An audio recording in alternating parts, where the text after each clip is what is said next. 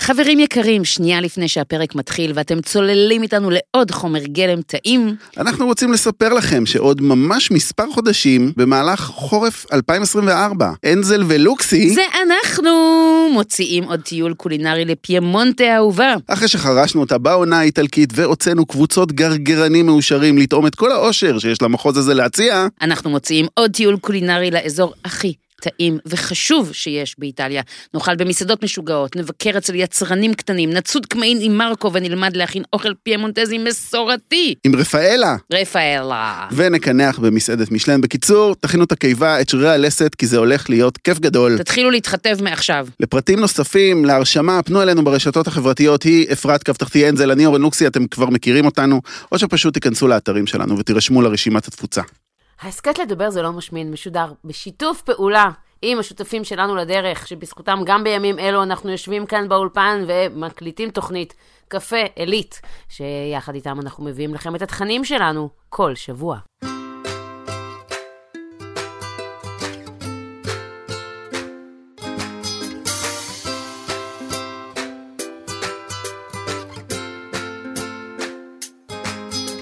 שלום לכם. הלו, הלו, הלו. הלו, הלו, אפרת אנזל, מה שלומך? חרא, טוב ששאלת. טוב, תקשיב, אנחנו מנסים להקליט פה פתיח כבר, פ... כבר שלוש פעמים, ויוצא לנו כל פעם קצת דיכאוני, אז סלחו לנו על האותנטיות, אבל כמוכם כמונו, לא פשוט בסגר. ובכל זאת, החלטנו לשמור על שפיות ולהמשיך בתוכנית שבועית, חומרי גלם. כאילו הכל בסדר. כאילו אנחנו ביום רגיל, כאילו אנחנו בתקופה נורמלית, למרות שהתכנסנו פה באולפן של בעלך, שאני קיוויתי שאני לא אחזור לפה יותר, היה לי כל כך נוח באולפן המקצועי שלנו. כן, גם האולפן הזה מקצועי, אבל זה, כאן זה אולפן של אה, מפיק מוזיקלי, זה פחות אה, עניין של אה, להפק, לה- להקליט פודקאסטים, גם אין לנו טכנאי אולפן. אין לנו כלום, אני יושב על ספה עם גב מכופף, אפרת יושבת על כיסא משרדי, שנינו עם המיקרופונים שסחבנו מהבית, מחשבים ניידים עובדים, שלא ייפול החשמל, אולי יש רעשי אה, מזגן מעלינו. אבל בוא נתחיל, כי בחרנו את הנושא שרצית לדבר עליו, בשמחה ובששון. אני פשוט חושבת שאם הקיץ לא רוצה ללכת, אנחנו נביא את הסתיו. אוקיי. זה היה הרעיון. אני לא יודעת אם אי פעם סיפרתי לך, שאני ב-21 לספטמבר, כן. אוקיי? מקפידה לעבור לנעליים סגורות. אל תסתכל עכשיו, עכשיו זה, עכשיו זה לא תקף. עכשיו זה לא תקף. עכשיו אנחנו מרץ. מרץ, זוכר? הזמן כן. הספירה נעצרה במרץ. כן. ספירה אין שנה. אוקיי. בשנים כתיקונן, כן. כשאני עדיין שפויה, כן. ולא מחופפת, סלש מחורפנת, סלש רוצה למות מהקורונה, כן. אני ב-21 לספטמבר עוברת לנעליים סגורות. למה? כי זה היום הרשמי של תחילת הסתיו באירופה. ואני מבחינתי רוצה לחיות בארבע עונות, לא מוכנה לחיות בשתי עונות שיש לי פה, חודשיים חורף והשאר קיץ. אוקיי, לא מתאים. בחורה אירופאית. כזאת אני, עוד מפולין. אני, עוד מפולין. אני אירופאית. בקיצור, אז אנחנו בסתיו. ואם החום ממאן ללכת, אנחנו נביא אותו ונתחיל לצלול לתוך גדרות. ומה יותר נכון לצלול לתוך גדרות אם לא דרך תבלינים? שנגלה להם שחשבנו לעשות עכשיו אה, מה? ריצה על תבלינים? חשבנו לעשות ריצה על תבלינים, לא, לא בטוחים שנחזיק מעמד. כאילו, הקורונה מחפפת אותנו, יכול להיות שיתחשק לנו נושא אחר. נעשה מה שבא לנו, בקיצור. אבל היום, בהחלט תבלין, בהחלט מחמם, בהחלט גדרות ובהחלט קינמון. וואו. אפרת אוהבת קינמון, אני מבין, לפי החיוך. אפרת נשואה לקינמון. עמרי הוא קינמון? עמרי הוא... הוא עשוי. הוא סליל- קינמון. הוא... אוקיי. אמרה ברצינות רבה. אני אסביר לך. נו. תמיד אהבתי קינמון, באמת. אבל כשהתחתנתי איתו, הבנתי מה זה לאהוב קינמון. הבן אדם, לא משנה במה אני אשים קינמון, הוא יעוף. הוא מבחינתו, כאילו, זה נהיה הדבר הכי טעים בעולם. פשוט ככה. אוקיי. וצריכת הקינמון בבית שלי עלתה פלאים. לא רק זאת, זה שהיא כל כך עלתה, שחברות נסעו להודו וביקשתי שיביאו לי משם קינמון, ואז נחשפתי לקינמון קצת אחר מהקינמון שאנחנו קונים פה בארץ, שתכף נדבר על זה. בקיצור, הקינמון ואני נהיינו חברים ממש ממש טובים. אז זהו, ואז כשהחלטנו, חשבנו איזה פרק אה, יפתח לנו את אה, עונת התבלינים. כן. אם אפשר לקרוא לדבר הזה שאולי יהיה עונה ואולי לא. אולי יהיה פרק. אולי זה יהיה פרק, אולי יימאס לנו שבוע. פרק התבלינים. פרק התבלינים. אוקיי. ההתלבטות לא הייתה ארוכה. לא, את ישר אמרת, קינמון, קינמון, אני רוצה להתחיל בקינמון, לפחות תן לי את הקינמון, שאני מאושרת, תן לי קינמון, אני אשמח. אוקיי, זה היה ככה? זה היה ככה, יש לי את זה מוקלט אולי אפילו, אם הייתי חכם הקלטתי את זה. אבל ככה זה נשמע, האישה אוהבת קינמון, כנראה, אני לא יודע. אולי האישה צריכה עוד שימושים בקינמון, צריכה לדעת עוד מה עושים מקינמון כדי להרחיב את הפורטפוליו הביתי, לך תדע. אז הנה חמישה דברים או, שלא ידעתם על קינמון. או, יש לי מלא, מאיפה להתחיל? תתחילי בהתחלה. אני אתחיל עם ההלוויה של נרו קיסר. כן. אוקיי? נרו, שהוא היה קיסר, אה, איש צנוע בסך הכל. אני תחקרתי אותו לעומק, צנוע הוא לא היה. לא, הוא לא היה. באיזה פרק דיברנו עליו? אני לא זוכר באיזה פרק דיברנו עליו, אבל אני התחלתי לקרוא עליו בגלל הקינמון, וצללתי כאילו למקומות...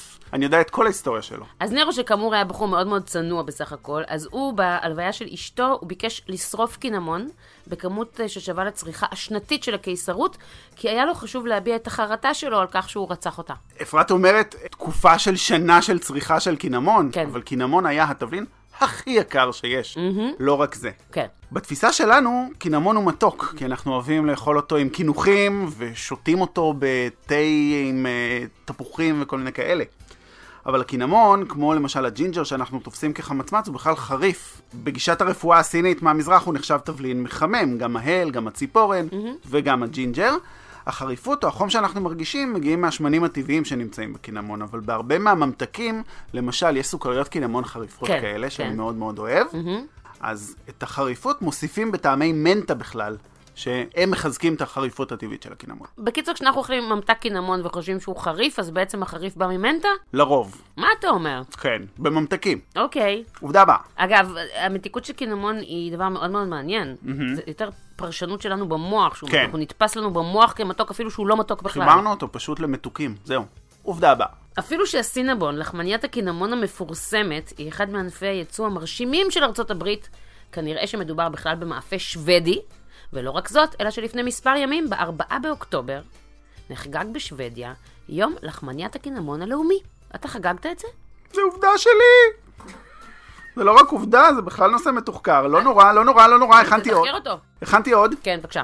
אתגר הקינמון! אוי, זה נורא. אני לא מאמין שאתה מדבר על זה. אני התלבטתי ואני החלטתי שלא. איך שלא, אתגר כי, כי אני הקינמון. פוחדת שמישהו יעשה את זה בגללנו. אף אחד לא יעשה את זה, המאזינים שלנו הם אנשים קצת מבוגרים. לא נכון, יש גם בני גיל- נוער שמקשיבים. כן. אבל מעל גילאי בליית הקינמון. בקיצור, אל תעשו את זה. האתגר הזה זה אתגר של אוכל אינטרנטי ויראלי, שאת אמורה לאכול כף שלמה של קינמון, להכניס אותה לפה, לא לשתות מים, לפחות 60 שניות. כן. ואז מעלים, מצלמים את זה, מעלים לאינסטגרם, מעלים לפייסבוק, לאן שזה היה, רשתות חברתיות. האתגר הזה קיים משנת 2001.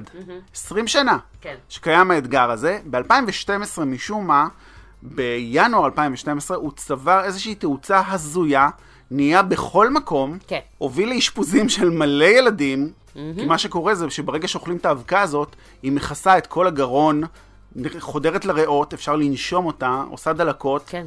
זה ממש בקיצור, מסוכן. יכולה ממש להרוג את הבן אדם. כאילו, אז אנשים משתנקים, מקיאים. אי אפשר, זה, נורא. כן, זה אתגר נוראי. בשיא שלו, באמת ב-2012, היו לו 70 אלף אזכורים בטוויטר ביום לאתגר הזה, לא נכון. והוא מת, נעלם ונפוג כמה חודשים אחר. תודה לאל. כן. אנחנו לא רוצים להחזיר אותו. עובדה הבאה, יצור הקינמון בצילון, שהיא סרי לנקה של היום, היה הגורם לפרוץ המלחמה בין הפורטוגזים להולנדים במאה ה-17.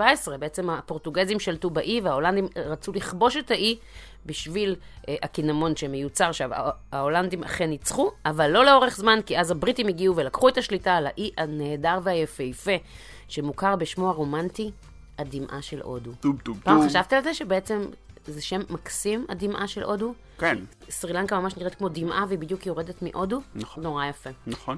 אז בואי נתחיל אבל אני. חייבת להגיד שאני מאוד הופתעתי, כי אני מצאתי עובדה ואמרתי, אין מצב, אני שומרת אותה ללוקסי, כי זה הכי, הכי לוקסי בעולם. איזו? הסינבון הכי גדול בעולם? כן, הסינבון הכי גדול בעולם. 118... הסינבון הכי גדול בעולם, 118.8 קילוגרם של אה, סינבון, שייצרו אותו ב-2006. כמו שני אנזלים פלוס. זה כמו שני אנזלים לפני הקורונה. עכשיו אנזלים בקורונה... במרץ 2019. אני חושבת שעכשיו זה בדיוק המשקל שלי, אני שוקלת כמו שני סינבונים, כס עמק. ואני חושב שאולי הסינבונים הובילו אותך למשקל הזה. אנחנו גם לזה נגיע בהמשך. אז יאללה, אפרת, ספרי כן. לנו מי זה הקינמון, מה זה לעזאזל. מה זה? הקינמון, אוקיי, כן. הוא- הוא עץ טרופי, כן. עץ ירוק עד. הוא גדל במקומות עם אה, המון המון משקעים, הוא צריך המון אה, משקעים בשביל אה, לשגשג. הוא ממשפחת האריים, מה שאומר שהוא קרוב משפחה של הער האציל, מוכר לנו כ... עלי דפנה. עלי דפנה, ובאמת אם מסתכלים על עלי הקינמון, רואים דמיון מאוד מאוד גדול בצורה ובמרקם. זה עץ לא מאוד מאוד גבוה, הוא מקסימום, מקסימום יכול להגיע לעשרה מטרים, והצילוני הוא, הוא אפילו יותר נמוך. בגדול, כשאתה מסתכל עליו במטעים בסרילנקה, הוא נראה כמו שיח גבוה יותר מאשר עץ. כשמה שמרתק בעץ הזה, זה שהחלק הריחני שלו זה לא הפרחים וזה לא העלים, אלא דווקא הקליפה של הענפים. ואני אומרת ענפים ולא גזע, כי אנחנו לא רואים בעץ הזה גזע אחד שיוצא מהאדמה, הוא בשנה הראשונה שמגדלים אותו מוציא גזע אחד, חותכים את הגזע הזה, ואז מתחילים לצאת בערך אה, בין עשרה לשנים עשר חותרים מהאדמה. וזה בעצם כמו אה, גזעים דקים או ענפים דקים, והענפים האלה, מהם מייצרים את ה... גלילים של הקינמון שאותם אנחנו קונים בחנויות בארץ. עכשיו, יש כמה זני קינמון, אתה בוודאי תרחיב על זה בהמשך, mm-hmm. אבל רק אם אני צריכה לעשות כזה חלוקה מאוד מאוד רחבה, מאוד מאוד רחבה, יש זן אחד שהוא אמיתי, ויש את כל השאר.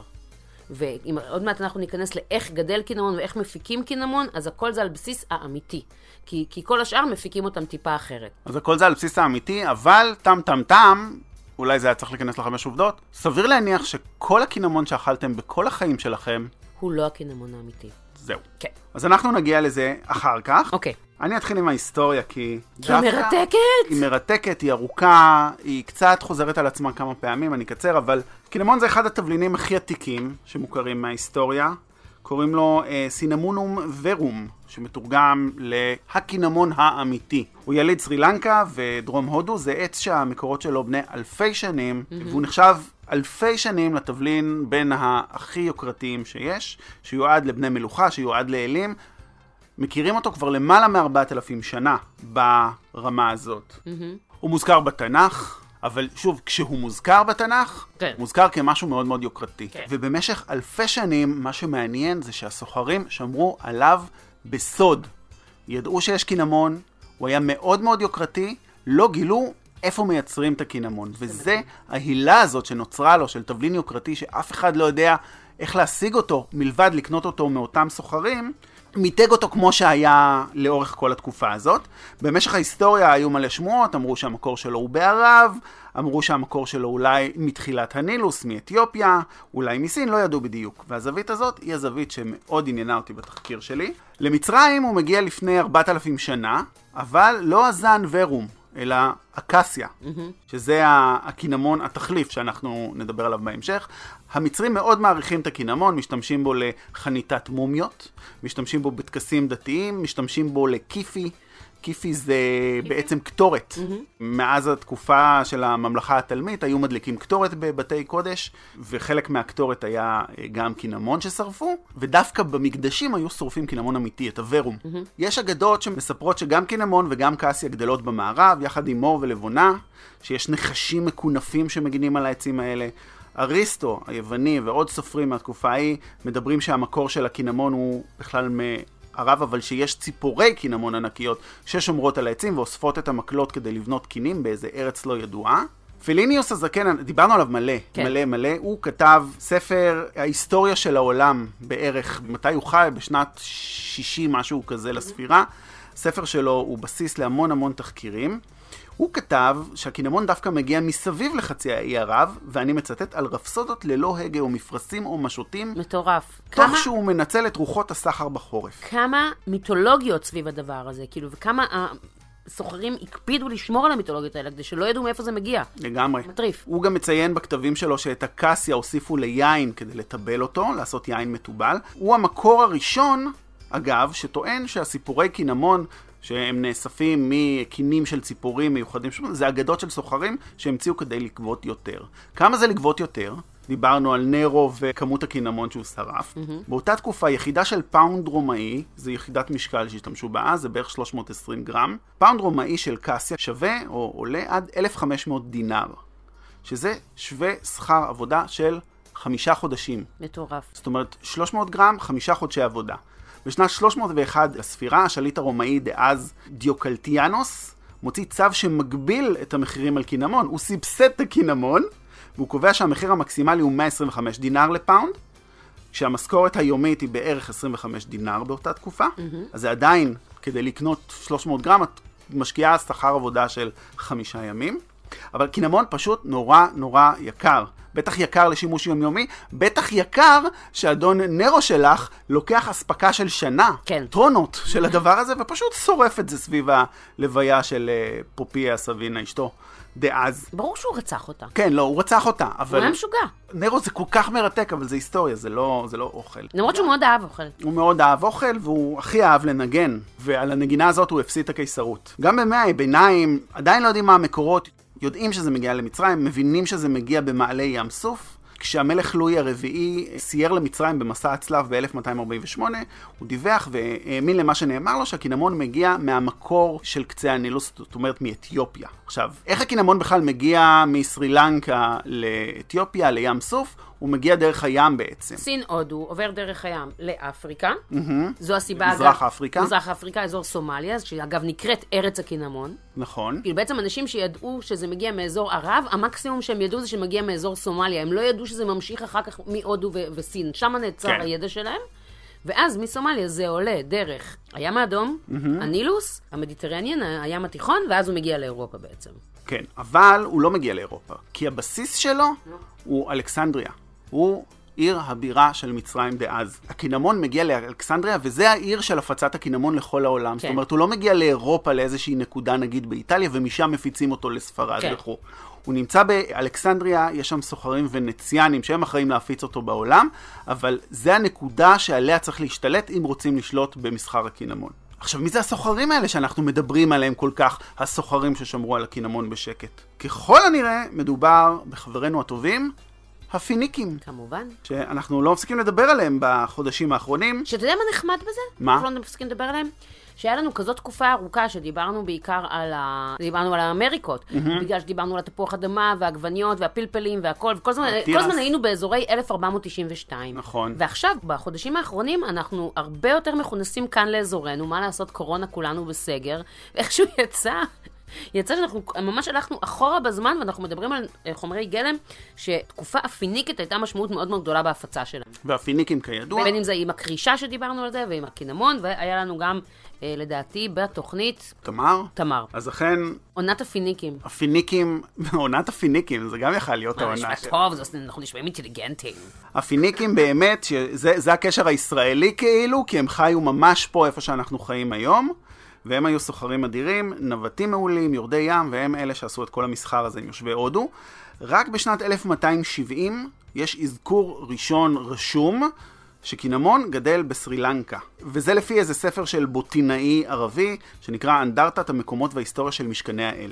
הקינמון, כמו שאמרנו, הוא מגיע דרך הים, עושה את כל הסיבוב שלו, הוא מגיע לבסיס באלכסנדריה, ועצם זה שיש כזה שליטה, מאחז, ריכוזיות. ריכוזיות של שליטה בקינמון, ושהקינמון הוא כל כך יוקרתי, מוביל להמון המון המון מלחמות. במיוחד כשהסולטנים הממלוכים, וכשהאימפריה העות'מאנית, ושכל האזור הזה רוכש וגוחש, אחד מהגורמים בכלל שמובילים את האירופאים להגיע למזרח, זה כדי למצוא פתרונות אחרים לקינמון. בתקופה של רומי הרי, אנחנו כן צריכים להזכיר את דרך המשי במובן הזה שנכון שרוב... דרך המשי היא דרך יבשתית, היא לא דרך ימית. אבל כן, הסחר של הרומאים הוא היה סחר שכמעט כולו היה סחר של תבלינים. חוץ מהמשי, שכמובן אה, כבודו במקומו ועוד איך מונח, אז רוב הסחר של הרומאים היה אה, סחר של תבלינים שהם היו משוגעים על ג'ינג'ר ועל קורקום ועל אה, גלנגל.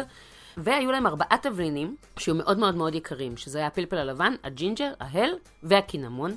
והסיבה שזה היה יקר, זה לא רק בגלל עלויות שילוח, אלא כי הוסיפו להם מס יבוא. כן. ארבעת התבלינים היחידים שהיה להם מס יבוא בשווי של 25% מערכם, שזה מטורף. ולמה הם הטילו את המס אה, יבוא הזה? האצילים היו מטרה להרעלה, גם על ידי קרובי המשפחה שלהם, והם האמינו שאם אתה מערבב את כל התבלינים שיש בעולם, בלי יוצא מן הכלל, אתה מייצר אנטידוט שסותר כל רעל שקיים בעולם. אז יאללה, בוא נערבב תבלינים לקורונה! הנה, בבקשה! והם היו חייבים את הקינמון בפנים בעצם. חוץ מזה, הם גם אה, הדליקו אותו לא רק כקטורת, אלא כדי למסך ריח של אה, בשר שרוף בכל מיני טקסים שהיה להם.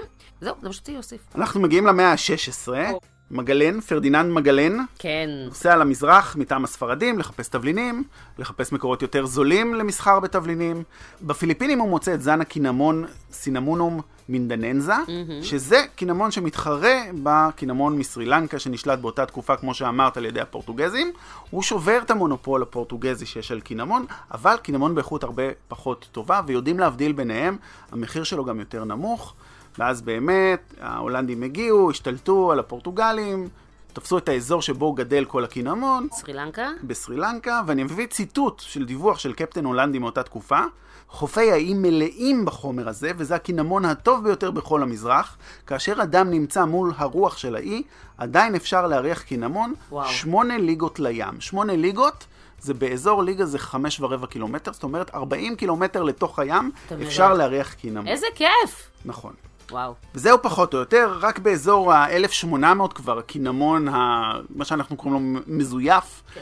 השתלט כבר על כל המסחר בעולם, ובעצם קינמון מסרי לנקה, צאילוני, בקושי אנחנו נתקלים בו. תראה, צריך לעשות עכשיו איזשהו ישור קו בנוגע לזנים. בסופו של דבר, 99% מהקינמון בעולם מגיע מאינדונזיה, מסין, מווייטנאם ומסרי לנקה. נכון. אז באמת לאורך השנים הטובות, ההיסטוריות, קינמון היה זה שמגיע מסרי לנקה. אבל היום הקינמון שמגיע מסרי לנקה הוא באחוזים ממש בודדים מתוך הסחר העולמי. Mm-hmm.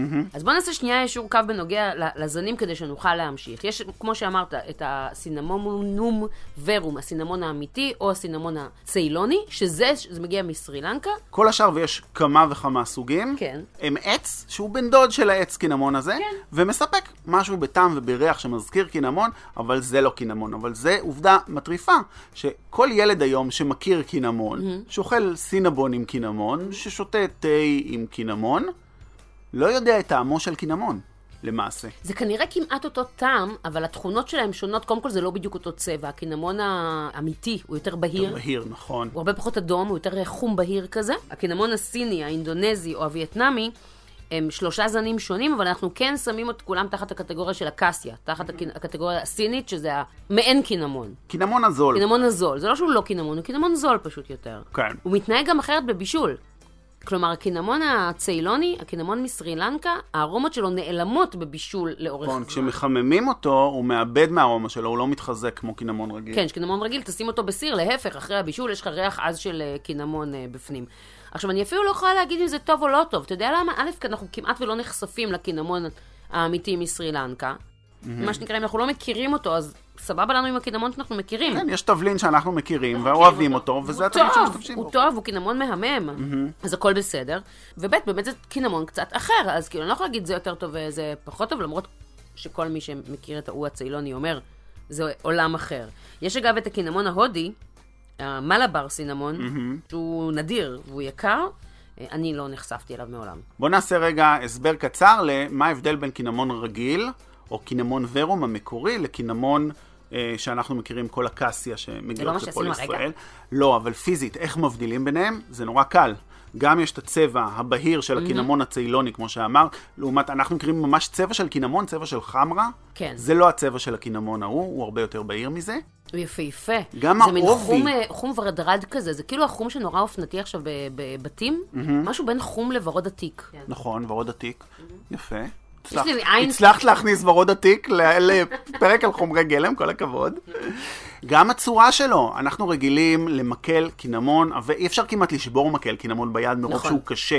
הקינמון הציילוני הוא שביר מאוד. כן. הוא כל כך דק למעשה שכשמלפפים אותו סביב עצמו, כשמורידים אותו מהעץ ומייבשים אותו ומלפפים אותו, אז זה ממש מלא מלא שכבות כן. דקות מאוד של קינמון מאוד מאוד מאוד עדין, שאפילו מתפורר למגע יד. אפשר לטחון אותו במטחנת תבלינים, זה המדד הכי טוב. את הקינמון קסיה, אתה לא יכול נכון, לטחון במטחנת... נכון. או ו- שפשוט תישבר לחתיכות מאוד גסות. וגם עצם הצורה הוויזואלית הכי פשוטה היא שכשאנחנו מסתכלים על מקל של קינמון זה נראה כמו שבלול מאוד לוס, מאוד כן. אה, מלא אוויר כזה, זאת אומרת ממש כן. חתיכת נייר שהתגלגלה פנימה. והקינמון הציילוני זה המון המון גלגולים, המון המון שכבות, שבלול מאוד מאוד אני צפוף. אסביר לך למה הוא ככה, מאוד מעניין. אולי אפרת תספרי לנו מה? איך מפיקים קינמון. וואו, זה מקסים.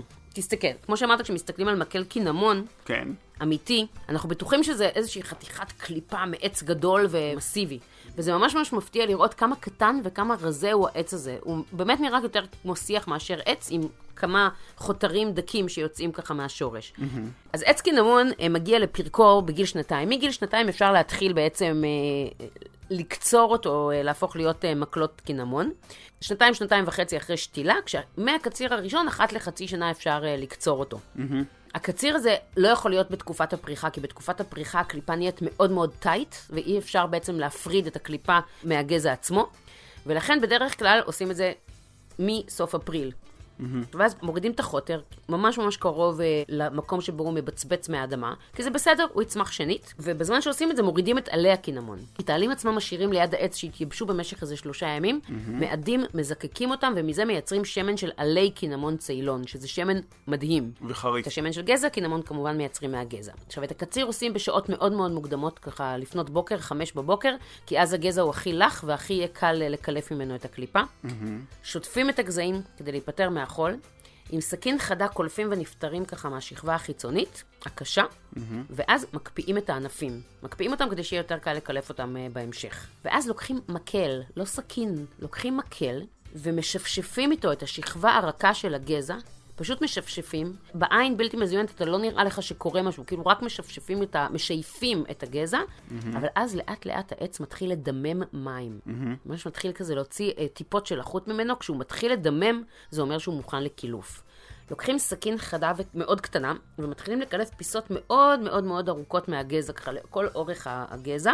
כשמתחילה לצאת כל מיני פיסות ככה, שבבים ארוכים וצרים, אבל לא ממש חתיכה אחת ארוכה ויפה. שומרים את השבבים האלה בצד, כי זה מה שאחר כך אתה רואה את הספירלות שיש בתוכו, בפנים, זה זה. זה לא באמת ספירלה של עץ אחד, אה, של גזע אחד שהסתלסל. Mm-hmm. זה הרכבה. ואז אנחנו רק מגיעים לחלק המובחר, שממנו ממש אפשר להוריד חתיכות ארוכות וישרות של קליפות, שכשנגלגל אותם, נשים בפנים את כל הפיסות הקטנות הפחות פחות יפות, mm-hmm. וזה ייראה לנו כאילו בעצם יש לנו מין אה, גליל, מין ספירלה שבלולית שכזאת. לוקחים את החתיכה הארוכה והיפה הזאת, דוחסים פנימה את הפיסות הפחות יפות, הכל בשלב הזה מאוד רך ומאוד מאוד גמיש. את זה מניחים על מגש, מייבשים 12 שעות באוויר הפתוח, נותנים עוד גלגול אחד, עוד קווץ' כזה, כדי שהגליל יהיה יותר דחוס, ואת זה חותכים לחתיכות יותר קצרות, וזה מקל הקינמון, הצאלוני. Mm-hmm. תהליך שכולו ידני, שנעשה כמובן אה, במדינות אה, עולם שלישי, אבל עם המון המון ערך ועם מכוני מחקר, ו... זה ממש לא משהו שעושים אותו ככה במיני חוות נידחות, כי המחיר של זה כל כך גבוה, mm-hmm. ששווה להשקיע בתעשייה הזאת. וזהו, וככה מייצרים קינמון. אבל עכשיו אני רוצה לקחת אותך אבל למסע נוסף. והוא? של השם. באתי להגיד, לא דיברנו על מקור אני, המילה, דילגנו. אני אסביר לך גם למה. כי למה? האמת שזה בער לי כזה מהרגע ש, שדיברת על ההיסטוריה. נכנסנו לאולפן. מהרגע שדיברת על ההיסטוריה. נו. זה אנגז'ה, ההיסטוריה כאילו, וה... מקור המילה הולכים כל כך ביחד שזה מקסים. בוא נתחיל במקורות, זה מופיע בתנ"ך. המילה הזאת באמת מופיעה בתנ"ך שלוש פעמים. Mm-hmm. זה לא רק זה שהיא מופיעה שלוש פעמים, זה שבמקורות, כלומר במשנה ובתלמוד, יש קינמון ויש קציעה. Mm-hmm. מה זה קציעה? מה זה? קסיה. אהה. שזה משוגע. זאת אומרת, הם הבדילו בשמות. המילה קסיה מגיעה מהמילה העברית לחתיכת גזע. המילה... Unfucking believable. קסיה, הזן, מגיע ממילה עברית. אוקיי. Okay. ולא רק זה, זה שבאמת הם עושים במקורות הבחנה בין קינמון לקציעה. כלומר, הם הכירו שיש שני סוגים, לא ברור, כאילו, כנראה לא ידעו מאיפה מגיע כל סוג, אבל הם הכירו את שני הסוגים. עכשיו, המילה באנגלית, סינמון, מגיעה מיוונית, שמגיעה מפיניקית, וכל המחקרים אומרים שהמילה הזאת באמת מגיעה במקור מעברית. Mm-hmm. באמת בכל השפות האירופאיות, המילה cinnamon מאוד מאוד דומה זו לזו, אבל קינמון לא נשמעת מילה בעברית במקור. נכון. עכשיו, הפיניקים לא ידעו מאיפה הקינמון מגיע. כמו שאתה סיפרת. כן. הם רק ידעו שהקינמון מגיע מהערבים, והסוחרים הערבים שמרו בסוד את מקור התבלין. והייתה איזושהי סברה לאורך שנים שהמילה קינמון מגיעה ממילה מלזית עתיקה, קיומניס, קינמון קיומניס, אוקיי? שהפירוש של קיומניס זה עץ מתוק. Mm-hmm.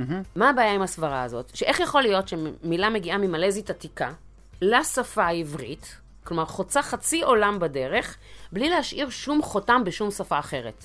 אנחנו יודעים שזה לא- בדרך כלל לא קורה. לא יכול להיות שמילה מזנקת חצי עולם בלי שהיא לא השפיעה באמצע. היית מצפה שהיא נכון. תשפיע על מילה באפריקאית, תשפיע על מילה בפ- בפרסית, תשפיע... משהו בדרך יקרה. נכון. אז הסברה הזאת לא מסתדרת, והנה יש סברה אחרת. המילה עמומון בשפות הקדומות משמעותה תבלין ריחני. אנחנו מכירים את הסינמון, מכירים גם את הקרדמון, את ההל. כן.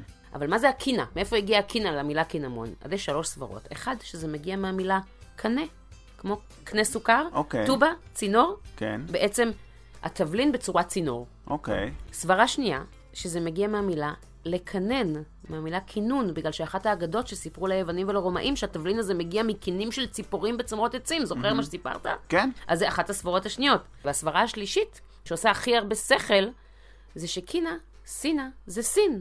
התבלין הריחני מסין. הריחני מסין. כן, זה הסברה הכי הגיונית. הכי בעיניי. הגיונית. כן. ולמה זה עושה שכל? כי אם אמרנו שתבלין נודד לאורך חצי מהעולם, אז צריך להיות ביטוי לנדידה הזאת גם בשמות, ובאמת, הנה, אנחנו גם בפרסית רואים שקוראים לזה דרצ'יני, כלומר, תבלין ריחני שמגיע מסין. Mm. רק לסיום, באמת אה, דיברנו על זה שהקסיה מגיעה מהמילה העברית, שבעיניי זה אבאלה ואימא'לה, והדבר הנוסף זה שבאיטלקית... מה? אבא לב אבאלה ואימא'לה. דודה לב וסבתא לב. ממש, והדבר הנוסף זה שבאיטלקית ובצרפתית לא קוראים לזה סינמון, אלא קוראים לזה קנלה. צינור. יפה. מאוד מקסים. ועכשיו, יקירי, נו, אחרי שדיברתי כל כך הרבה ויבש גרוני, גרונך ניחר, הפסקת קפה. הפסקת קפה. הפינה הפסקת קפה משודרת בשיתוף החברים שלנו בקפה עילית, שלום לכם. שעוזרים לנו להביא את התכנים שלנו לכל תוכנית מחדש. ועל מה נדבר הפעם? הפעם אנחנו אחרי החגים, והגיעה העת לחזור לשגרה, ולהסתכל על הפיגורה, ולהפסיק להשמין לנו בסגר, ו...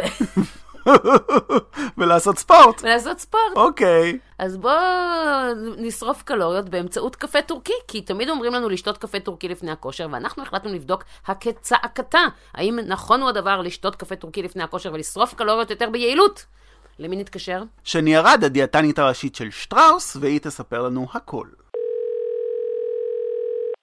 הלו, הלו, הלו. שלום. אז איתנו על הקו שני ירד, הדיאטנית של שטראוס, ואנחנו התקשרנו היום אלייך, כי אמרנו ככה, מה הסיפור והחיבור בין הקפה לבין הפעילות הגופנית שלנו? יש קשר, אין קשר? אז אני אתחיל בזה שכמובן שיש קשר, ואנחנו גם יכולים לשמוע שיש שיח מאוד מאוד חזק בעולם תזונת הספורט לגבי קפה, ולא נכון. רק אגב אצל ספורטאים, אלא אצל כל מי שמתאמן.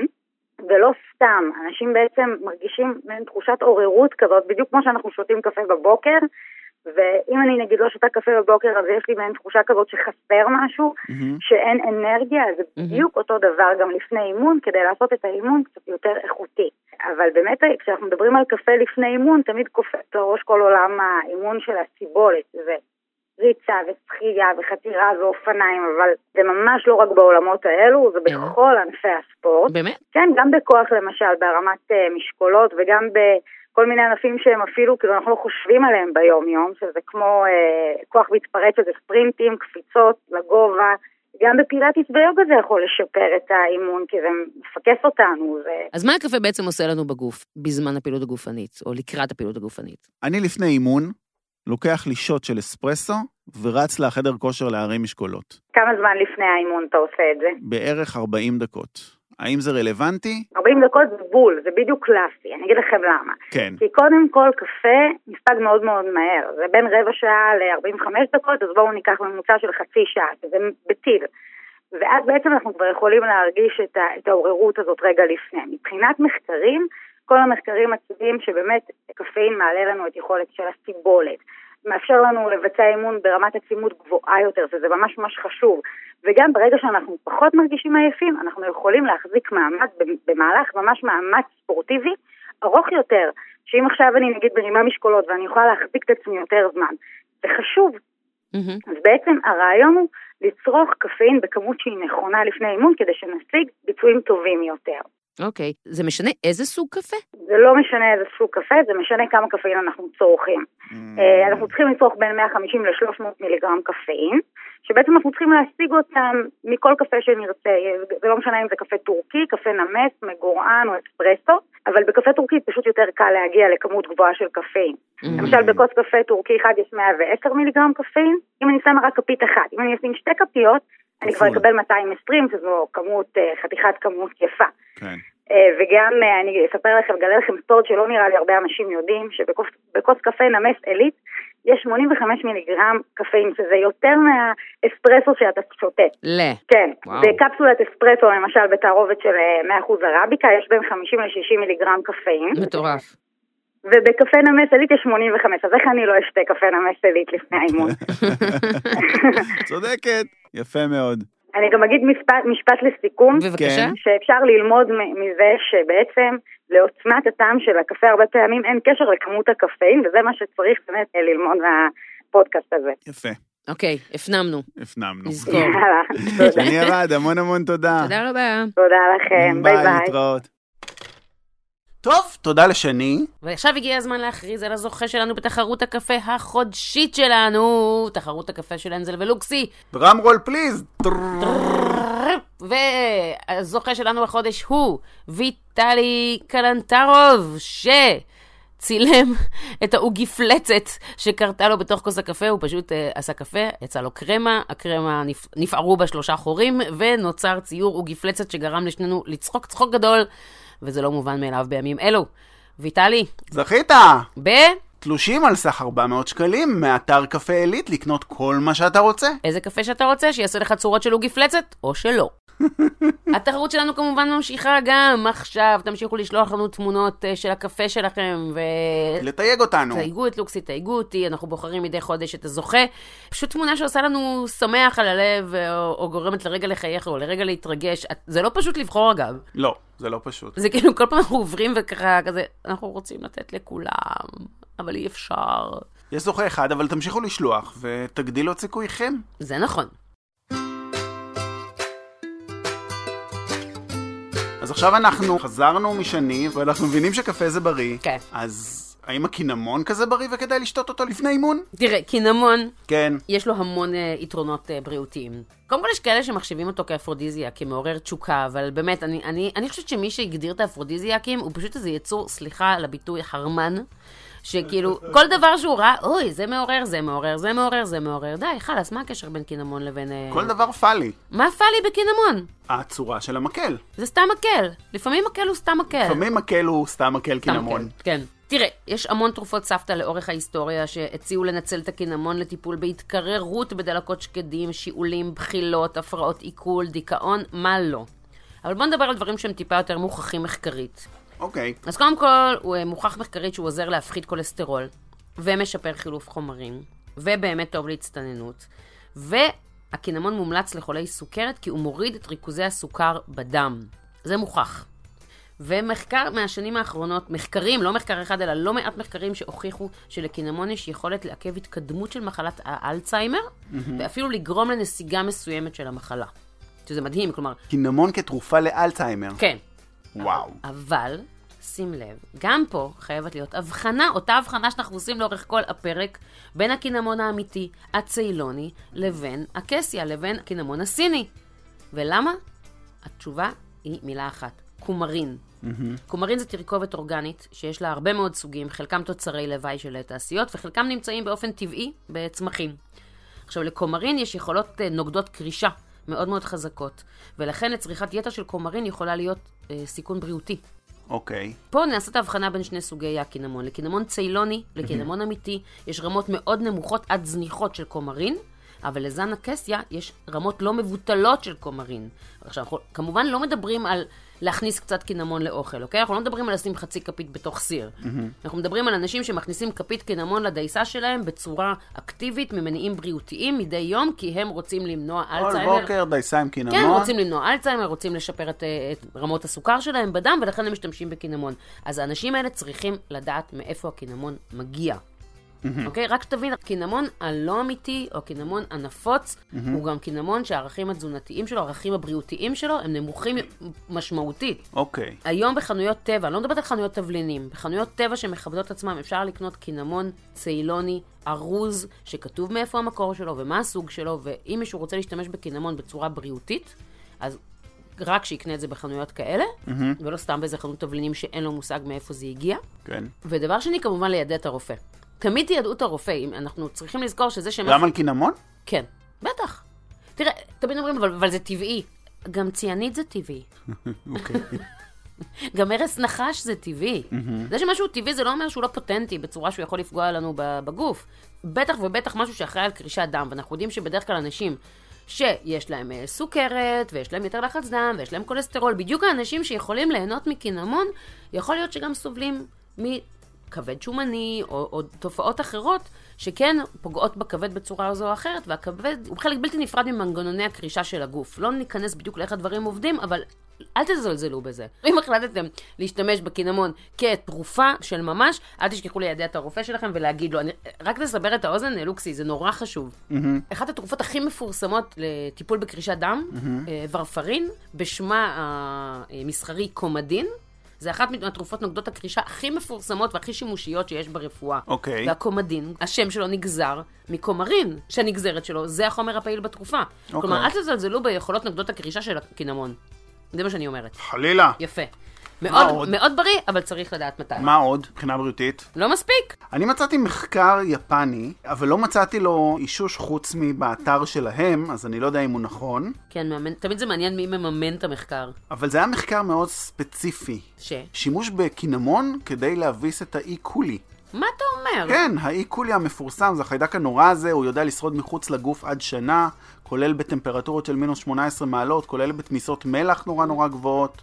הוא גורם לדלקות מעיים קשות, שלשולים עניינים, תמיד ב- כן, בתוכניות של רפי גינת זה היה סלמונלה וחיידקי אי קולי. כן. אז מחקר שאני מצאתי אומר שאפשר להביס את האי קולי כמעט ב-100% על ידי שימוש בקינמון. הם הוסיפו קינמון לצלחות פטרי עם אה, חיידקי אי קולי, ולאחר שלושה ימים בטמפרטורת החדר, 99.5% מהחיידקים מתו. אולי הם עשו את ה cinnamon challenge. אז זהו, אני חשבתי אם זה יכול להרוג אותנו, למה שזה לא יהרוג את החיידקים? הם פשוט נחנקו שם כל החיידקים. לגמרי. מעולה. טוב, אז ש... שוכנענו שהוא בריא. כדאי לכם לצרוך אותו. בואו נבשל איתו. בואי, ניכנס למטבח. בוא. אז קודם כל, איך קונים קינמון? קונים אותו בחנות תבלינים טובה. מה זה חנות תבלינים טובה? טובה.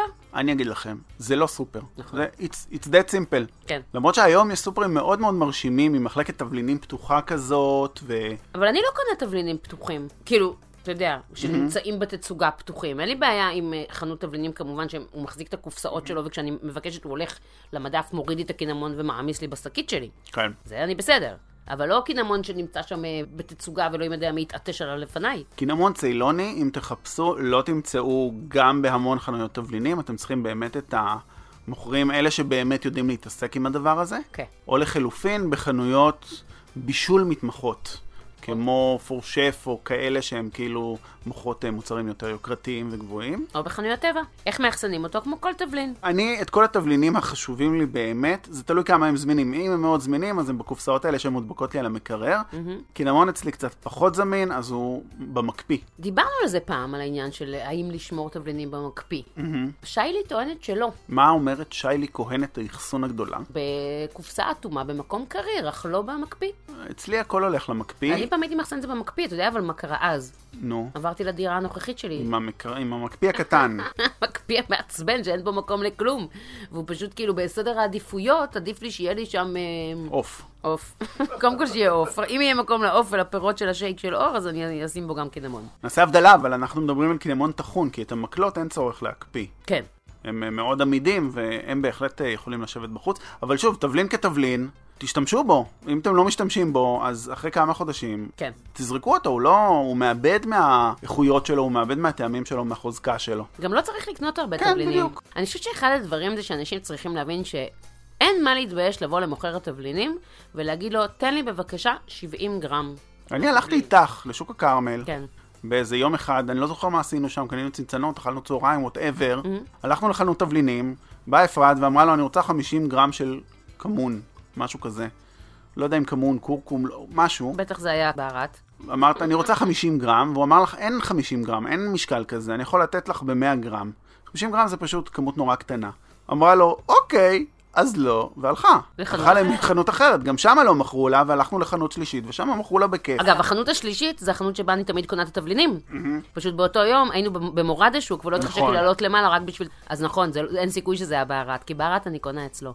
אוקיי. על המרני שלי. כן, אל תתביישו לקנות כמויות קטנות, להשתמש בהן ולגמור אותן בפרק זמן סביר. אתה יודע למה אני קונה 70 גרם? למה? כי זה בדיוק הצנצנת צנצנת? זכוכית שלי נכנס ב-70 גרם של תבלין. אבל את כאילו מחכה שתיגמר הצנצנת ואז את קונה חדש? כן. אין לך ספיירים? אצלי יש ספיירים לא. להכל. להכל, להכל, להכל יש ספיירים. לא. אני איש הספיירים, כל מה שאני קונה, אני קונה שניים. ואז כשאחד אני משתמש בו, כשאני פותח את השני, אני כבר קונה שלישי. אני, אין לי ספיירים לכלום. אני ממש, אחד הדברים שאני אוהבת זה לחסל דברים, זה לראות שכאילו ש... הפחד הכי גדול שלי.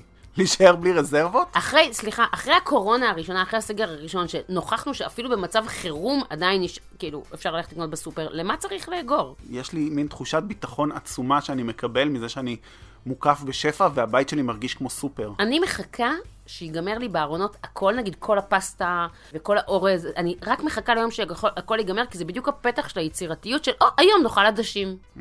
כי אחרת הילדים שלי לא יזרמו, הם כאילו, לא, למה לא עדשים? מה, לא, אני יכול אורז? ככה, לא, אין אורז. יש, Mm-hmm. אין יש רק אורז. עדשים היום. אוקיי. הבנת? מה את אוהבת להכין מקינמון? את משתמשת בו כל כך הרבה? מלא. כן. הנה כתוב, מה אני אוהבת לכן מקינמון? אני נשואה לקינמון. אוקיי. לכן כתוב שחור על גבי לבן. תראה, כן. אני מתלבטת אם להתחיל עם המובן מאליו. המובן מאליו זה המתוקים. כן. אז במתוקים, כשאני מכינה שוקו חם או שוקולטה טובה, אז השילוש הקדוש של השוקולטה זה קקאו, קינמון וצ'ילי, כמובן. אור מאוד אוהב אה, קורנפלקס עם קינמון, אז אני מעדיפה... אני- סינמונים? אז זהו, שהסינמונים זה, זה לא באמת בריא, זה אני- מותק, אז אני קונה סיריאלס יותר בריאים, ופשוט מוסיפה לחלב קצת קינמון. אוקיי, אז אני, יש לי מתכון לסינמונים שעופים לבד. זה פצ'קראי? זה גם קצת פצ'קראי, כי למעשה זה קרקרים כאלה, וגם קצת משמין, כי יש בזה מלא חמאה. אין לו בעיה עם חמאה. מלא חמאה. אוקיי. אה, אבל מי שרוצה שיפנה אליי ב- באינסטגרם בפרטי, ואני אתן לו את המתכון. בוכטל, עוגת הקופים של סבתא מנקי ברד, בכלל, מת על קינמון, וואו. יש משהו בעוגות קופים האלה, הרי מה עושים? לוקחים מלא חמאה, לוקחים מלא סוכר, ולוקחים מלא, קינמון. ואז טובלים הרי את החתיכות ועופים את זה ביחד בתנור. ונוצר פשוט קרמל קינמוני. כן, מטורף! מטורף. וזה הדבר הכי קל. בעולם, כי אתה, אין פה בכלל כאילו להתחיל לעצב צורות. זה, עושים בצק שמרים, יוצרים ממנו עיגולים, קוראים לילדים למטבח, עושים כדור, טובלים בחמאה, טובלים בח- בסוכר וקינמון. טובלים בחמאה, טובלים... זה הכל. ופשוט, זה כל כך טעים. אני כל כך הולכת להכין את זה היום. לכו לאתר של אפרת כדי לקבל את המתכון, איך קוראים לזה? בוכטל, עוגה- בוכטל. העוגה של סבתא שלי. אוקיי. מה עוד? תראה, כמעט כל קדרת בשר או קדרת עוף יכולה להרוויח מקמצוץ של קינמון. בקר גם? בטח. זה תמיד, אני אומרת, זה נותן את הגוון הקטן של המתיקות שעמרי כל כך אוהב, בלי באמת לתת סוכר בתוך התערובת. אוקיי. כלומר, המוח מפרש את זה כמתיקות, אבל אין בזה סוכר בכלל. ואני מוצאת את זה בכל מיני קדרות שלי. כאילו, זה יכול להיות כל משהו מהעולמות של המטבחים העיראקים. כי הרי קינמון זה אחד המרכיבים בתערובת הבערת, שהיא מבוססת על פלפל אנגלי, קינמון, הל, ציפורן, מוסקת ועלי ורדים. כן. ביחסים שונים, אבל בבהרת יש קינמון, אז נגיד כשאני מכינה טבית כמובן שהוא עשיר בקינמון, ואני עוד עושה לו אקסטרה קינמון, כשאני עושה טבית אני מוסיפה עוד כפית קינמון מעבר לכמות הבהרת שיש שם. הקינמון הוא מרכיב חשוב בתערובת נוספת, שאני? משתמשת לא מעט במטבח שלי. חמשת התבלינים, תערובת אה, סינית. five spice. ששמה זה ה star anise, הזירי שומר, הציפורן, הפלפל הסצ'ואני, שאם אין לכם אין שום בעיה לשים פלפל אה, שחור או לבן, וקינמון, ששם זה הקינמון הסיני. במקור זה הקינמון הסיני. כן. זה אפילו לא... כי הם לא מכירים שם את הקינמון הציילוני. וזה אני עושה, יש לי גם באתר קדירה של אה, בקר עם five spice, שזה, אחר כך אני עושה מזה pulled beef כזה, בתוך באנים. או, אחד המנות שאני יותר אה, אוהב. אני מתה על זה. טעים. ממש. אני שמה קינמון במרינדות של הברביקיו שלי. אתה יודע, תמיד שמים קצת פפריקה וקצת כמון ושום יבש ופלפל שחור ו- ו- ומלח. אני שמה שם כזה מין אה, אה, קורת קינמון. שוב, זה נותן מין טק, קינ- פאזה מתוקה, טק, כזה. במקום סוכר. ברור. אני לא מבשלת בכלל עם סוכר. אז זהו, אתה יודע, להתחיל להרחיב בכל התבשילים, בגדול, איפה שאפשר לתקוע קינמון, אני אשים קינמון. צימס. צימס. יס. מתוק. אז קינמון. הבנתי אותך. יש שימוש הרי במטבח הערבי נורא רחב בקינמון, זה מאוד מעניין. לא סתם אמרנו, מגיע מערב, מגיע מערב, במהלך כל ההיסטוריה חשבו שהוא באמת מוצר ערבי. ערבים משתמשים בו מלא. כן. הם שמים אותו בקבב, הם שמים אותו בסיניות, הם שמים אותו בכל מצב, עם כבש, עם בקר. מעניין. במעמולים. מעניין. ומה אתה מבשל אצלך בבית מקינמון? עם קינמון? אז שוב, הרבה עוגות שאני באופן אינסטינקטיבי מוסיף קינמון. אני פחות עושה monkey bread, אני יותר עושה bread pudding, אבישי מת על זה, אני עושה את זה כאילו מדי פעם. בזה תמיד יהיה קינמון, כי זה... וואלה. תמיד הולך נהדר עם כל מה שתוסיפי לזה, בין אם צימוקים או בננות או שוקולד או whatever. זה נכון, פעם עשינו סדנת אה, בישול אה, נכון. בריא, שנינו ביחד, והשתמשנו בקינמון, והפחתת משמעותית את כמות הסוכר על ידי זה שהשארת ביותר קינמון. נכון. בדיוק מאותו רעיון שזה נותן תחושה מתיקות בלי סוכר. כל דבר שיש בו תפוחים, לדעתי. זה הניסויים הכי קדושים, כן. קינמון ותפוח. לגמרי. בבישול מלוח אני לא כל כך משתמש. מדי פעם כן, באמת תערובות תבלינים שאני נותן לעוף, לא אה, לבקר. אה, זה מעניין שאת אומרת, כי כן יש לי בהרת שאני כן משתמש בו, ובאמת יש בו קינמון, אז בדיעבד, כן. הפוך על הפוך, אני מגיע אליו. אני כן. מסכימה איתך, אבל שבהרט וקינמון מחמיאים יותר לעוף. כן. או לעגל, כאילו לבשר בהיר יותר.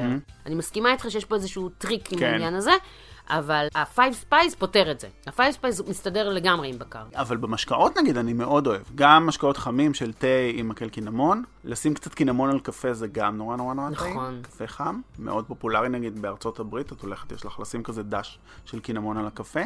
עם לימונדה, ניסית פעם? לא. קינמון הולך מאוד טוב עם פירות הדר. אז אה, אפילו נחמד. קחו לימונדה, וכמו שאתם זורקים פלחים של תפוזים ולימונים פנימה, אפשר לזרוק גם מקלות קינמון. זה מאוד uh, מקפיץ הטעם. אני חושב שהשימוש הכי הכי שחרוט לי בזיכרון של קינמון בהיסטוריה הקולינרית שלי, המקצועית, היה איזשהו קינוח של חבושים שהיה לי בבריבה, שאני מתחיל להיזכר בו עכשיו, מה היה בו, זה היה חבושים שהיינו מבשלים הרבה הרבה זמן, בסירופ סוכר, אז הם היו נהיים אדומים אדומים. בוהקים, בוהקים, בוהקים כאלה, אה, מרוקנים מבפנים אבל שלמים בצורה שלהם, והייתי ממלא אותם בקרם ורדרד של... קינמון? לא, לא קינמון, איזושהי חליטה, אני לא כל כך זוכר בדיוק. חליטת פירות כזאת שהייתי עושה ממנה איזשהו קרם, איזשהו סוג של מלאבי כזה, ומעל זה היה קצף של קינמון, ואז למעלה הייתי תוקע מקל קינמון שהייתי שורף עם ברנר. ואז הוא היה עולה באש לשנייה, ואז נחבא, ואז מוציא קטורת כזאת, ואז היו הולכים עם המנה הזאת לאורך המסעדה ככה עד לשולחן הכי רחוק, ומפיצים ריח של קינמון שרוף לכל הזה, ואנשים היו משתגעים, וואו! מהמם. את מכירה את הטריק הזה ממסעדות אסיאתיות, ששורפים תבלינים לפני הסרוויס? כן. ראית את זה פעם? כן. אם אתם לא מכירים, אז לפעמים אנחנו נכנסים למסעדות כאלה קצת יותר גבוהות, לא הפשוטות, ואנחנו מקבלים ארומה מטורפת של תבלינים חמים לאף, איך שפותחים את הדלת, אנחנו אומרים, אוקיי, אולי האוורור לא טוב, אולי... כן. מגיעים ריחות מהמטבח, אבל הריח. נורא נעים. כן. זה מכוון, שורפים על ווק מלא מלא תבלינים, שורפים מלח ופלפל שחור וקינמון ופלפל סצ'ואן, מסתובבים כמו, אה, כמו אלה שמפזרות אה, מרווה שרופה בבית כדי לסלק רוחות רעות, אז מפזרים כאילו, מקפיצים את זה בתוך הווק החם ברחבי המסעדה, וזה עושה את הריח הנפלא הזה. מהמם. אז זה, זה מה שזה עשה הקינמון הזה במסעדה, אנשים היו נטרפים מהקינוח הזה. אני לא בטוח שהיה כזה טעים, בסוף. הוא היה כאילו טעים, אה, וזה היה עם אה, חתיכת ברי. או, שכחת את הבריא. שכחתי את הבריא. שכח, חבל ששכחת זה, את זה הבריא. מסביר את ה... אתה יודע משהו? אני קודם כל נזכרתי עכשיו, כשדיברת על אה, ריח שכזה ניסה בכל המסעדה, נזכרתי על הקבב על מקל קינמון, מתמוז. ממסעדת תמוז של ערן. שרויטמן מלפני שנים. לתקופה זה היה כאילו בכל מקום בארץ. אבל הוא היה הראשון, אני חושבת, כן. שבאמת הגיש את זה, למרות ששוב, זה מנה מהמטבח הערבי, זה לא שהוא הוא המציא משהו, הוא פשוט שינה את מצב הצבירה, במקום אבקת קינמון. בתוך התערובת, פשוט קבב שמשופד על מקל קינמון. זה מהמם, אגב. מהמם, וגם המקל קצת נשרף ומקבל כן. את הריחות המשגעים זה האלה. מקסים. שכחתי שאני שמה קינמון בסנגריה. מתחיל עכשיו Mm. הסתיו, ואתה יודע, ולכולנו יש תמיד את הסיפור הזה במקרר של בקבוק יין שהתחלנו ולא סיימנו. לנו אין את הסיפור הזה. צר לי. בטח שיש, זה קורה לפעמים, מתעייפים וזה, נשאר קצת, אה, זה... מערבבים, עם איזשהו קצת ליקר, וקצת מיץ, ותוקעים אה, מקל קינמון, ופירות בפנים, והכל נהיה סופר קול. דיברנו נראה לי באחד הפרקים, אולי בפרק של התפוחים, על מה? סיפור הסנגריה, או כן. בפרק התפוזים, שאנחנו מגיעים תמיד לאירופה, ואבישי נורא אוהב סנגריה חמה, ואז אנחנו מבקשים סנגריה, ואז מביאים סנגריה קרה, כי הקונספט של סנגריה חמה לא כזה קיים אצלהם. הם יותר קוראים לזה פונץ', או יש להם כן. את זה תמיד סביב חג המולד, בכל השווקי חג מולד שלהם יש את הסירים האלה של היין המתובל, שזה נורא טעים.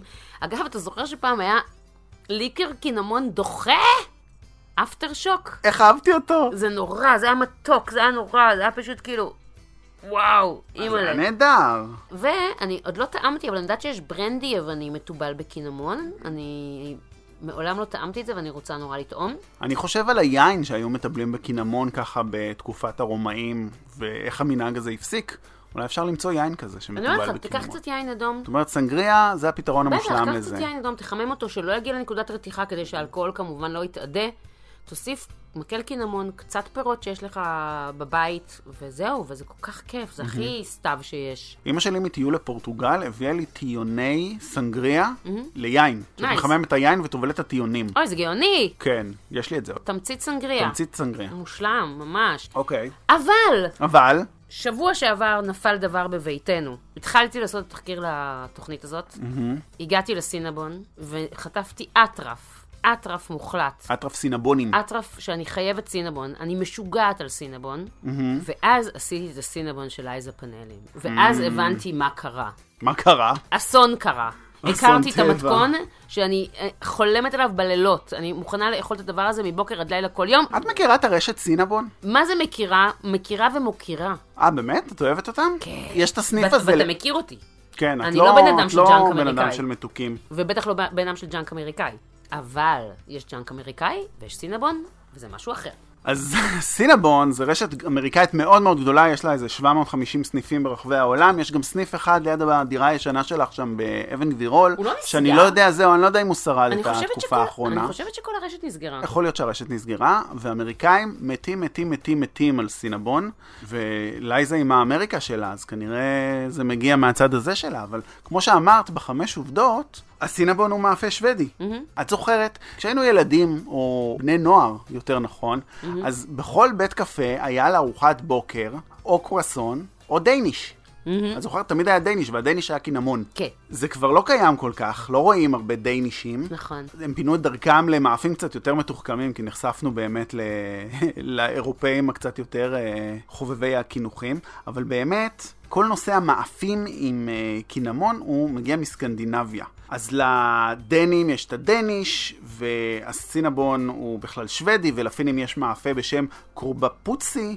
ולנורבגים עוד מאפה בשם סקילינג בול, אבל הם כולם מאפי שמרים מגולגלים עם קינמון. שזה מדהים, כי הקינמון הוא לא חלק מהמטבח שלהם באופן היסטורי. הוא הגיע לא- בשלב מאוד מאוחר. וגם לא הל, אבל יש גם הרבה כן. מאפים דנים עם הל. מטריף. זה הכל נוצר בערך במאה ה-18, שזה באותה תקופה האופים בצפון אירופה גילו את בצקי השמרים העשירים בחמאה, Mm. שאנחנו כל כך אוהבים. הצרפתים עם הקרואסונים, ההולנדים עם הסופגניות שלהם, הבריטים עם הצ'לסיבן, והשוודים גילו את לחמניית הסינמון. עכשיו, כמה השוודים אוהבים את המאפה קינמון שלהם, את שואלת? כן. שוודי ממוצע אוכל 316 סינבונים בשנה, לפי מועצת החקלאות והסטטיסטיקה השוודית. 316 בשנה זה כמעט אחד ליום. מה? כן, עד כדי כך. מעניין באיזה גודל הם עושים אותם. כמה? 316 בשנה. 316 זה 140 אלף טון כן. סינבון בשנה. זה המון, זה המון המון המון המון. מעניין זה מתי אפשר לקנות כרטיס טיסה לשוודיה. אה, בכל מקרה, האמריקאים עושים את הסינבון שלהם גדול, הסינבון הגדול בעולם, ציינת אותו מקודם, מאפה אמריקאי. אנחנו מכירים אותם קצת יותר קטנים. איך המתכון של לייזה פאנלים שהכנת? זה, הם גדולים, הם קטנים, מה הם? בוא נתקשר ללייזה. רוצה לדבר איתה? כן.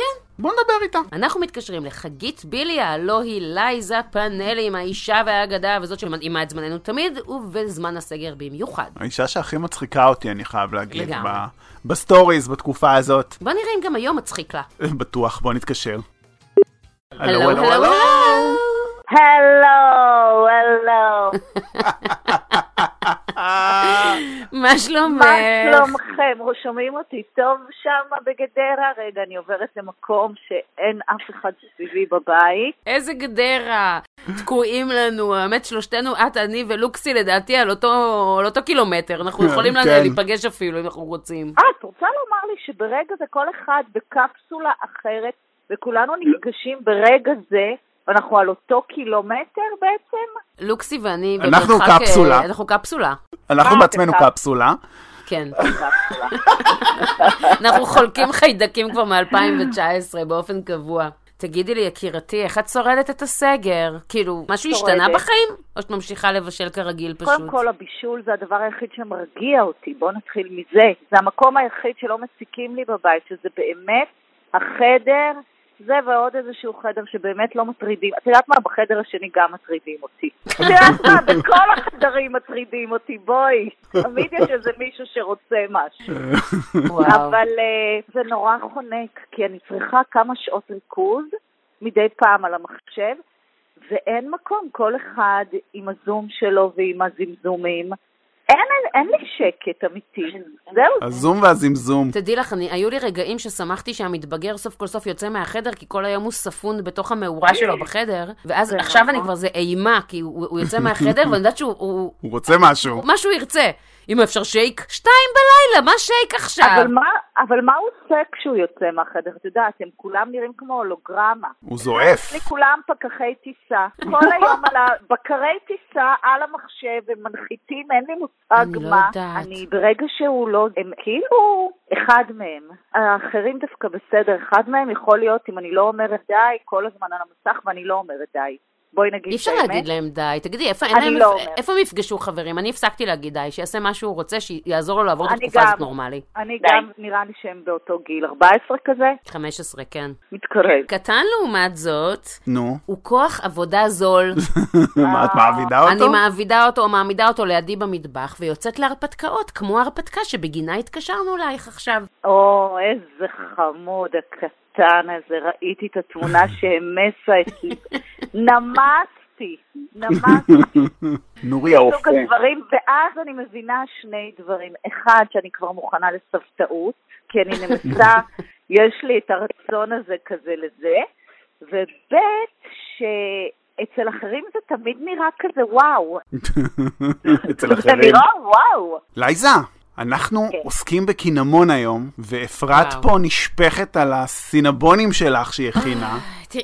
אני חושבת שקודם כל מישהי שייצרה סינבון ברמה כזאת, אני מבינה שהקשר שלך לאמריקה הוא, עמוק. זורם לך קינמון בדם. זורם, זורם לך קינמון אז זורם לי בדם. קינמון בדם, זאת אומרת... קינמון וחמאה. להיות- הסינבון, אתם מכירים את הסינבון באמריקה? נו, בוודאי. הריח של הקניונים שם, שאתה נכנס למול ואתה הולך לפי הריח, זה פשוט החלילן.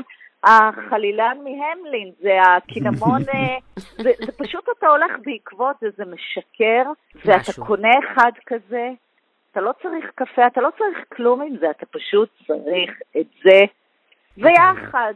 כן, זה, וכולך תביא, אין על זה. עכשיו, אני בכוונה היית- הייתי ממש ממושמעת, ולא סיפרתי ללוקסי מה הפטנט המשוגע שיש בסינבון שלך, בשבלולי קינמון שלך.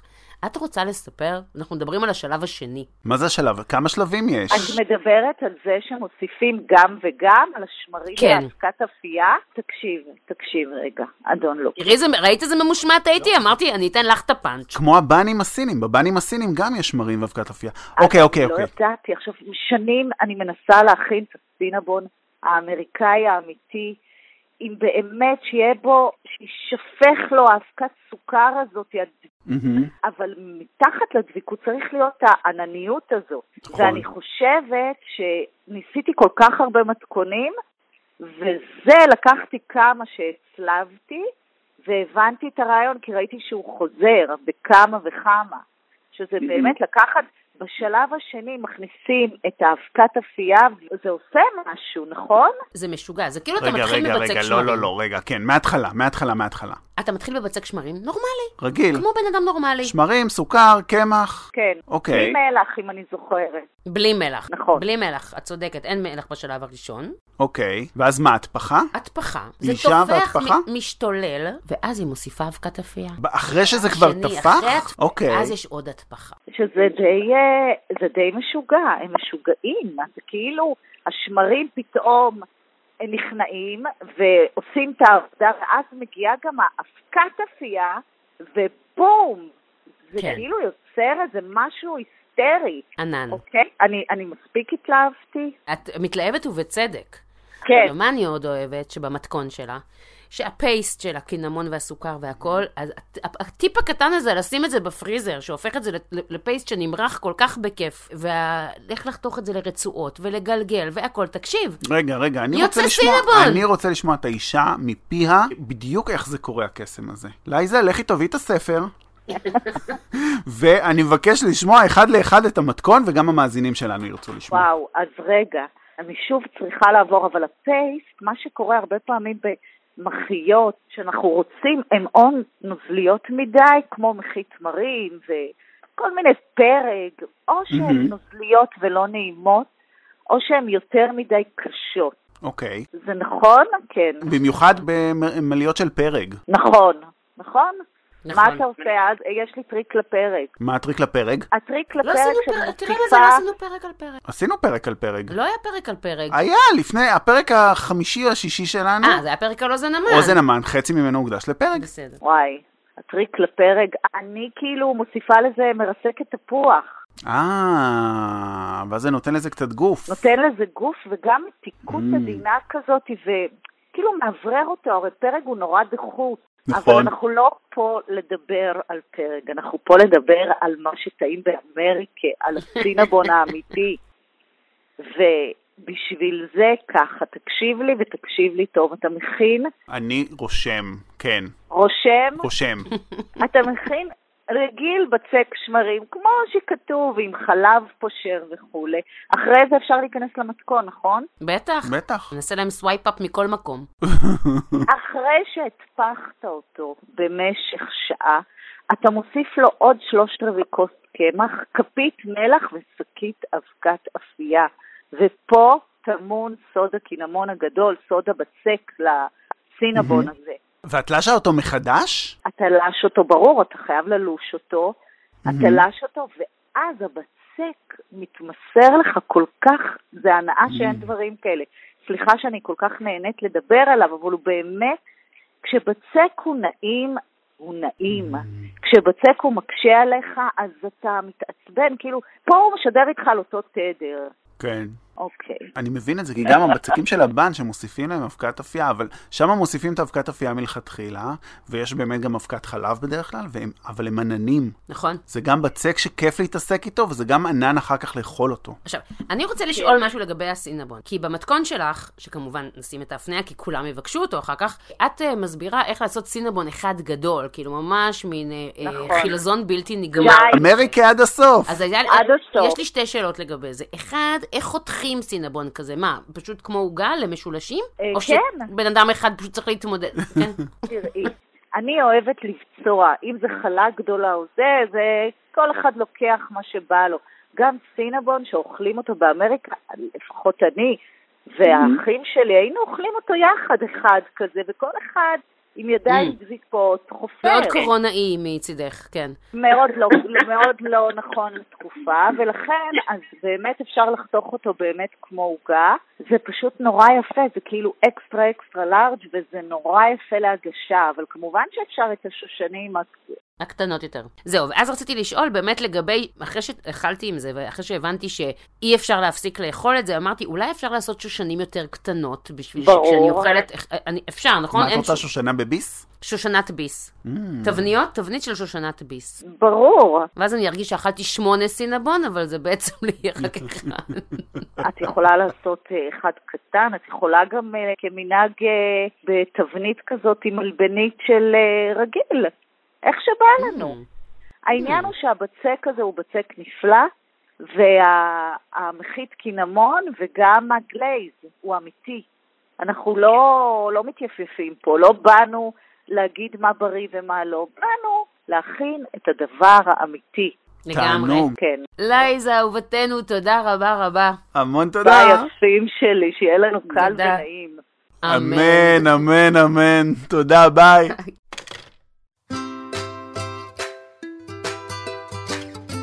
לוקסי, אתה אבל קלטת?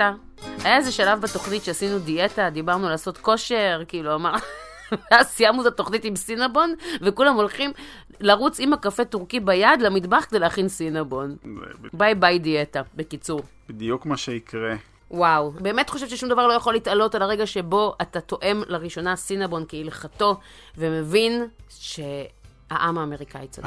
שהאמריקאים לקחו את זה ושכללו את זה. כן, כן, תמיד אנחנו אומרים את זה לצרפתים, שהם לקחו דברים והם שכללו כן, את זה. כן. הנה משהו שאין לי ספק שהאמריקאים לקחו ושכללו מהשוודים. אוקיי, אמרה זאת שלא הייתה אף פעם בשוודיה, אז אין לה מושג, ויכול להיות שאמרה כרגע שטות גדולה. אבל היא תהיה בקרוב, ברגע שיפתחו את שפתיים, שפתיים? ברגע שיפתחו את השמיים, את השמיים. אני, נראה לי, אני רצה לנתב"ג, אני, איפה, איפה, שיש, איפה שיש כרטיס ראשון, אני פשוט טסה, לא מעניין אותי לאן. איפה היעד הכי מוקדם שלך? לאן אפשר לטוס עוד שעה? בקיצור, כן, חברים. הסתיימה עוד תוכנית של אנזל ולוקסי, מקווים שנהנתם. אנחנו כנראה נהיה פה גם בשבוע הבא. ככל הנראה, בוא נקווה, אם לא uh, תתפוס אותנו הקורונה. כן. אנחנו... עד שהקורונה עד תפריד שה- בינינו. הקורונה לעולם לא, אף אחד לא יכול להפריד בינינו, אפרת. מזכירים לכם שאם הגעתם עד לפה, אז uh, נשמח אם תעצרו שנייה ותדרגו אותנו באפליקציה שאתם שומעים, ומלבד זאת, אפשר לעקוב אחרינו ברשתות החברתיות, אפרת, קו תחתי אנזל, אורן לוקסי עם וואי בסוף. נכון? וזהו, אוהבים אתכם, שמחים שאתם איתנו, נתראה עוד שבוע. כן, אנחנו נחליט האם נדבר על תבלין או שמא על משהו אחר, אבל uh, שיהיה לכם עד אז שבוע נפלא ככל שניתן ומתוק כמו סינבון רול. יאללה ביי.